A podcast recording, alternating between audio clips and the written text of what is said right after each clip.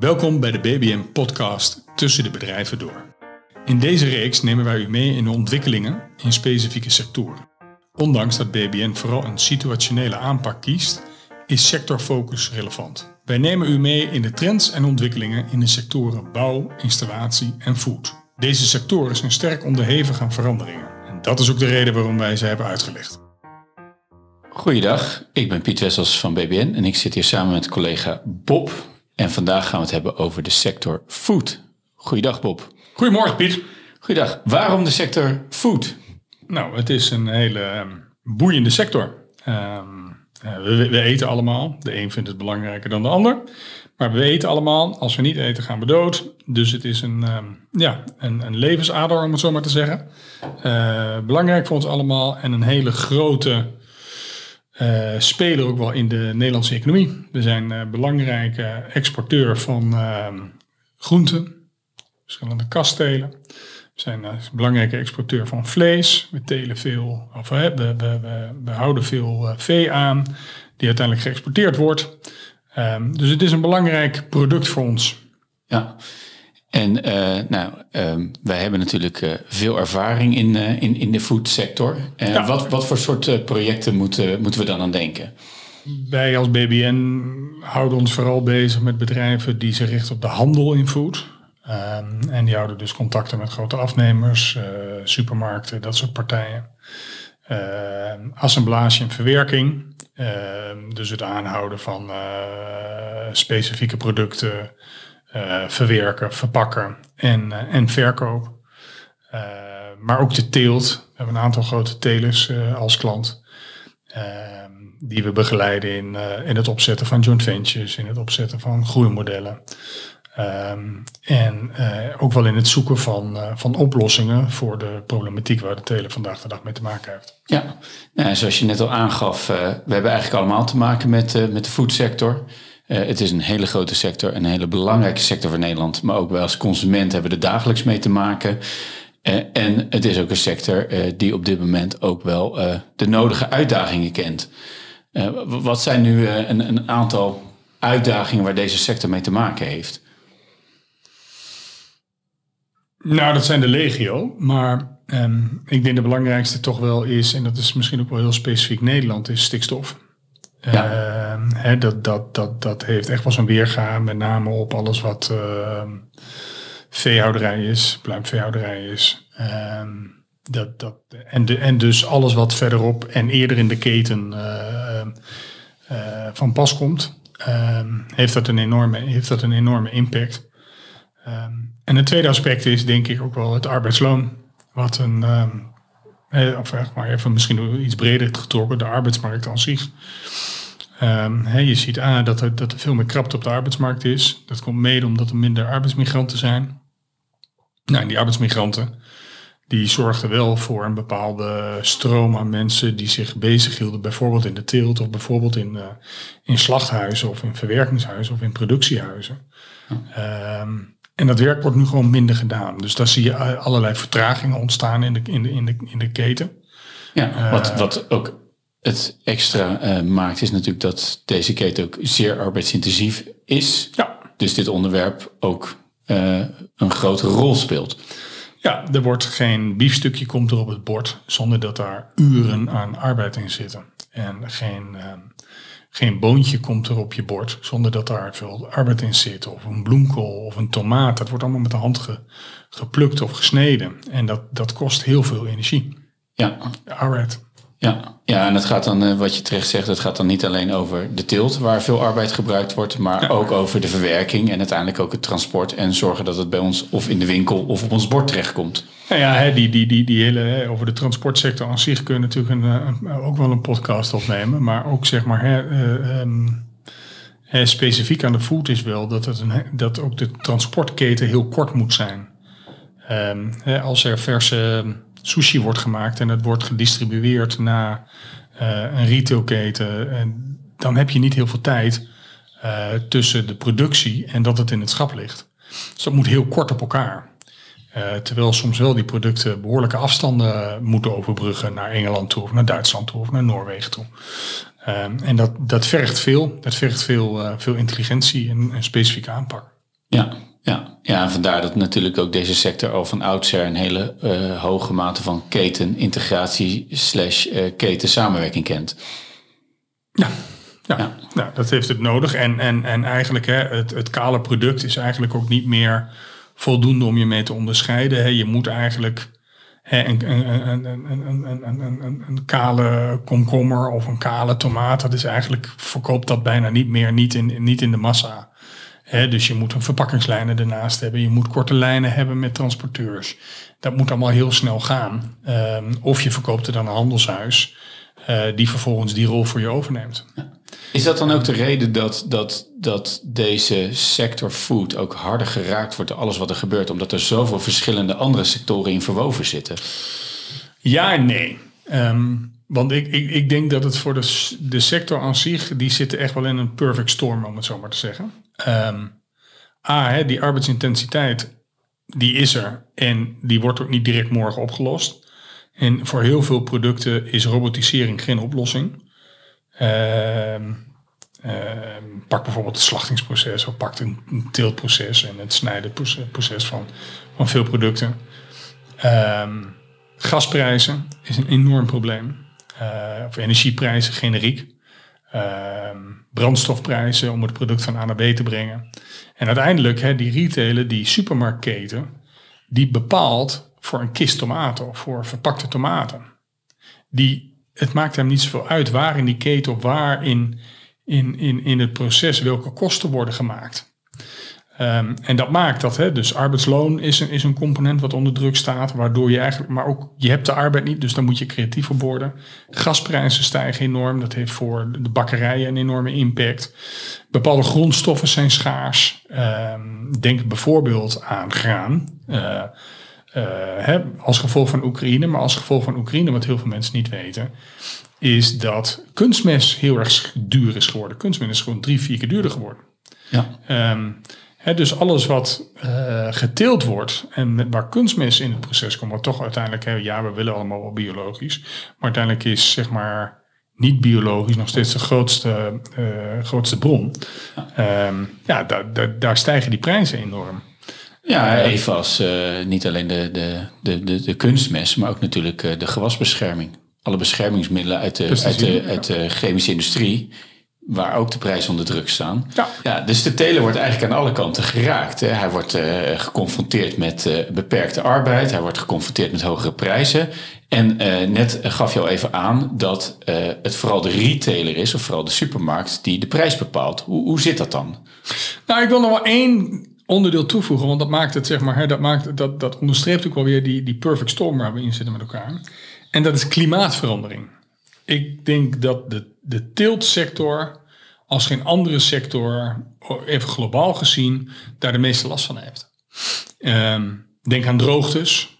Uh, hele gebieden in Italië, Spanje bijvoorbeeld, als je naar Europa kijkt, die gewoon uh, niet meer bebouwbaar zijn, wat, wat tot voor kort nog gebieden waar, waar heel veel agrarische producten vandaan kwamen, tomaten vandaan kwamen, dat soort, dat soort zaken die, die veel water nodig hebben, veel water voor de teelt nodig hebben, maar die droogtes als gevolg van droogte gewoon niet kunnen, niet kunnen telen. Nee.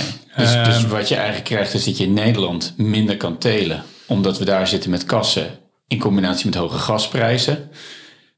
En van oudsher dan de producten weer uit Zuid-Europa zouden komen, waar we dan weer te maken hebben met uh, klimaatproblematiek. Ja, en, en, en ook wel wat dichter bij huis. Hè.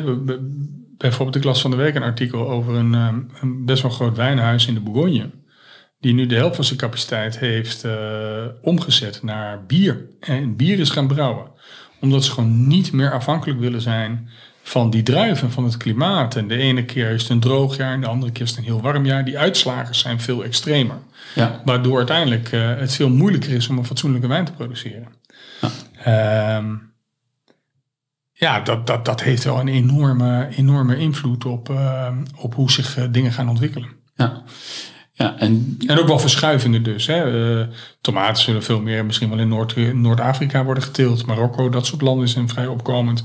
Uh, wijnboeren vanuit de Bourgogne die trekken naar andere gebieden, zoals Normandië en misschien wel wat noordelijke Zuid, Zuid-Engeland. Ja. Uh, dus dan zie je echt wel verschuivingen plaatsvinden. Ja, en dat zijn natuurlijk dan verschuivingen in de aanbodkant. zie je dan ook ontwikkelingen in de vraagkant? Jazeker, um, jazeker. En dat, dat, dat, wordt natuurlijk deels gestuurd door retail wel. Hè. Die, die, die, die zorgen echt wel dat iets bij jou in het oog ligt. Uh, maar je ziet zeker dat hè, een algemene trend is wel dat iedereen gezonder wil leven. Uh, dus je ziet uh, minder vraag naar vlees, minder vraag naar suikers, minder vraag naar alcohol. Stijgende vraag naar bijvoorbeeld groentes, biologische producten. Um, ja, dat, dat, is echt wel, dat is echt wel een trend. Een tweede trend is denk ik uh, snel op tafel. Hè, uh, mensen willen uh, ja, vandaar nu beslissen en over een half uur willen ze het eten. En, ja. en eigenlijk maakt het, moet het dus niet uitmaken waar je bent. Het moet er gewoon komen. Ehm, hè, dus zie je allerlei flitsbezorgers zie je opstaan. Nou, die hebben het ook wel weer moeilijk uh, in deze tijd. In deze economische tijd is dat denk ik best wel lastig om je hoofd boven water te houden. Uh, maar online verkoop, dat neemt ook wel echt wel toe. Er zijn steeds minder mensen die de winkel induiken, maar die het gewoon laten brengen. PwC heeft net een rapport uitgebracht waarin ze zich uh, verwachten dat uh, in 2035 dat er een, een verdubbeling weer plaatsvindt van de online ten opzichte van nu. En, en daar waar is... het eigenlijk sinds 2018 al verdrievoudigd is. Ja, dus dat neemt wel een enorme exponentiële groei aan. En dat is natuurlijk wel versneld ook dat proces in de coronatijd. Maar eigenlijk is de verwachting dat dat proces zich blijft uh, doorontwikkelen. Ja. ja. ja. Dan hadden we het net even over de positie dan van de, van, van de supermarkten en, en, en de prijsstelling in de keten. Hoe, hoe, werkt dat? Hoe werkt dat? Ja, kijk, voor heel veel producten um, uh, geldt in principe dat er vaste prijsafspraken zijn. Ja. Vaste inkoopafspraken zijn. Um, ongeacht wat, zeg maar, de productie, wat er met de productiekosten gebeurt. En dat is natuurlijk ook best wel gevaarlijk. Wat je nu ziet, is dat best wel veel producenten die worden uh, geconfronteerd met stijgende energieprijzen, stijgende loonprijzen, uh, stijgende transportprijzen. En uiteindelijk, hè, die, die, ja, die supermarkt die rekent een brood af. Ja. En uh, daar hebben ze een afspraak over. En dat is van de ene kant is dat natuurlijk heel erg fijn als producent zijn of als leverancier zijn dat je weet van, nou oké, okay, ik heb een vaste prijs. Maar dat betekent ook dat die prijs niet mee fluctueert met de markt. En dus hij pakt de dalen niet. En dat is, dat, dat is fijn. Maar hij pakt de piek ook niet. Um, dan heb je een tweede, een tweede categorie. Dat zie je met name in de verse producten wel. Uh, waar meer wereldmarkt is. Daar wordt wel op basis van weekprijzen bijvoorbeeld wordt daar afgerekend. In de, in de, in de AGF-hoek zie je dat veel. Dat er gewoon op weekprijzen wordt afgerekend. En, dan, en, dan, en vaak zie je dan dat een, dat een supermarkt toch wel kijkt van oké, wat doet de markt? En dat is dan de prijs die de teler of het handelshuis krijgt. Ja. En, en die kan dus geen prijs vragen. En die kan wel zeggen van nou oké, voor die prijs wil ik het niet leveren. Dat kan. Uh, maar dat doe je twee keer. De supermarkt accepteert niet dat hij, geen, dat hij lege schappen heeft. Dus die gaat, op, die gaat op zoek naar alternatieven. Ja, dan moet je als producent wel een heel sterk merk of sterke positie in de markt hebben. Wil je daar een vuist kunnen maken richting de supermarkt? Ja, dat is, dat is vrij lastig. Want wat dat betreft heeft de supermarkt natuurlijk wel een enorme positie voor over de afgelopen jaren. en de kleine winkelier uh, in het straatbeeld, die, uh, die zien we steeds minder terug. Ja. ja, en waarbij natuurlijk ook geldt dat die kleine winkelier eigenlijk ook, ook, net als de producent in de keten, ook hard geraakt wordt door alles wat er gebeurt met stijgende energieprijzen, stijgende loonkosten. Um, en moet concurreren op prijs met een consument die steeds minder te besteden heeft. Ja, ja, dus dat is, dus dat is, best, dus dat is best lastig. Um, hè, en, en, en, en wat je dus ook ziet. Um, kijk, het is een beetje moeilijk om daar een, een rond beeld over te geven. Want je weet nooit helemaal hoe zich nou de inkoopprijzen van de supermarkt zich hebben ontwikkeld. Maar je kunt wel wat lezen en je kunt wel wat terugvinden in, in, in vakbladen over uh, wat nou het prijsniveau is in supermarkten. En dan pakken ze vaak pakken ze een, een aantal producten, duizend of 2000 producten. En dat, de prijsniveaus meten ze gewoon elke week. En dus zie je precies hoe, zich dat, hoe die inflatie in de supermarkt zich heeft ontwikkeld. Eh, want je koopt hetzelfde blikje cola of hetzelfde uh, pakje, pakje kaas. Um, en dan zie je dat, dat hè, in het totale aanbod dat, dat de prijsstijging zo'n 12% is geweest afgelopen jaar. En dat is toch wel fors. Um, en dat hè, bij de klanten die wij hebben en waar ik uh, ook wel vragen en analyses doe op, het verkoop, op de verkoopprijzen, zie ik dit soort stijgingen echt niet terug. Nee, dus dat betekent dat de pijn vooral uh, vooraan in de keten gepakt moet worden. Daar wordt zeker een gedeelte van de pijn gepakt, ja. Ik wil niet zeggen alle pijn, maar er wordt zeker een gedeelte van de pijn gepakt. Ja, dus aan de ene kant hebben uh, uh, nou, partijen in de, in, als, als telers en producenten hebben te maken met, uh, met prijsdruk. Ja. En wat, wat, wat zijn andere ontwikkelingen in de markt waar ze op lange termijn? We hebben het al even gehad over, laat ik zeggen, gezonde voeding, klimaatverandering. Ja. Nou, duurzaam is denk ik ook een hele belangrijke trend. En um, die druist eigenlijk ook, wat dat betreft zitten we in een hele paradoxale wereld op dit moment. Want die druist heel erg in tegen de ontwikkelingen. En je kunt mij niet vertellen dat het duurzamer is om een tomaat uit Marokko hier naartoe te laten brengen dan een tomaat hier uit de kas in Nederland. Ja. Uh, maar toch is het zo dat, dat, dit, dat die trends die kant op gaan omdat het gewoon simpelweg niet meer betaalbaar is. En omdat gas niet meer betaalbaar is. En omdat je zo'n kas eigenlijk niet op een andere manier kunt verwarmen dan met KWW's. Ja. Uh, en, en is het dan de rol van de supermarkten om daar een beweging in te doen? Of is dat toch iets wat bij ons als consument uh, uiteindelijk ligt? Ja, dat, dat, dat, vind ik, dat vind ik een hele goede vraag. Um, waarbij het antwoord zich denk ik ook wel wel raden. Um, ik denk dat het namelijk een beweging is die van beide kanten moet worden ingezet. Ja, het is niet één partij die er zijn verantwoordelijkheid in moet nemen. Nee, ik denk dat, kijk, um, dat net zoals biologisch, als, als jij het geld ervoor hebt en je kunt het besteden, dan denk ik dat heel veel mensen liever biologisch gaan. Ja. Um, alleen als je het geld niet hebt en het wordt niet betaalbaar gemaakt, Um, ja, dan kies je toch, uh, hè, heb ik nou, koop ik een zak wortelen voor 80 cent of voor uh, eh, 1,80 euro. Ja, ja, Voor, voor heel veel mensen is dat wel een gamechanger. Um, en terecht denk ik. Um, tegelijkertijd denk ik dat de overheid ook een belangrijke rol in heeft. Bijvoorbeeld door te sturen met, uh, met, met BTW. Ja. Of, en, of, en, of en van de ene kant ziet de overheid dat wel in en doen ze dat dus ook. En zeggen ze van ja, we gaan de BTW verlagen. Maar het is toch echt tenen krommend dat, dat dat anderhalf jaar moet duren. En dat het in het proces alleen maar wordt opgehouden, of vooral ook wordt opgehouden door discussies van wat valt nou onder, onder groente en wat niet meer. Wanneer heb je het over een potje wortelen en wanneer wordt het wortelpuree en wanneer zit nog ergens van een fractie van een wortel in een sap. En, en moet dat dan ook wel of niet zonder BTW? Want daarmee raak je weer de concurrentiepositie aan. Nou, dat, dat, dat, is, dat, dat, dat is tenen krommend. Want daar is het niet voor bedoeld. Het is bedoeld voor de mensen die gewoon een appel en een peer moeten kopen. Ja, ja. En als je dan kijkt naar die duurzaamheidsdoelstellingen, dan zou je dat weer kunnen oplossen. Niet zozeer, zozeer met BTW, maar dan zou je bijvoorbeeld uh, het, het transport of de vervuiler, dat zou je het, het, het, het moeten laten betalen dus dat je het meer gaat beprijzen wat, wat de kosten zijn van bijvoorbeeld die tomaat die uit Nederland komt versus de tomaat die uit uh, Zuid-Europa komt. Ik denk dat dat ook wel gebeurt. Daar ontkom je niet aan. Uh, maar uiteindelijk moet, moet iedereen in die keten moet gewoon zijn kosten gedekt hebben. Uh, er is niemand die daarbij inschiet. Ehm, alleen hè, concurreer je tegen een factorloon van 6 euro of van 18 euro. Dat is echt wel een verschil. Ehm, en, en, dan kan daar dus best wel wat transportkosten tegenover staan om dat te vergoeilijken. Um, wat ik denk dat wel een algemene trend gaat worden en, en waar je ook best wel vraagtekens bij kunt zetten. Kijk, um, de groentesnijderijen hebben een enorme positie bijvoorbeeld verworven de afgelopen jaren. iedereen koopt een zak met gesneden sla. Er zijn maar weinig mensen meer die nog een krop sla kopen.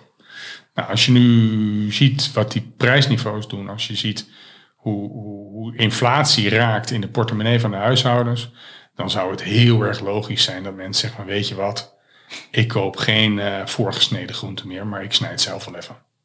En dat scheelt me gewoon de helft.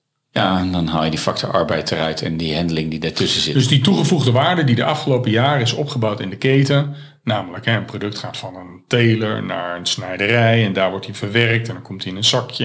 En dan gaat hij voor een vaste prijs naar de retailer, want die wil het zakje sla voor 99 cent in het schap hebben liggen. Nou, dat, dat, dat zal, dat, het, zou heel logisch zijn, het is mijn, mijn persoonlijke verwachting ook wel, dat dat wel wat gaat veranderen. Ja. Je ziet nu al de eerste stappen. Hè? De, de, de Aldi en de Lidl, die goedkopere retailers, die hebben behoorlijk wat uh, markt gewonnen het afgelopen half jaar.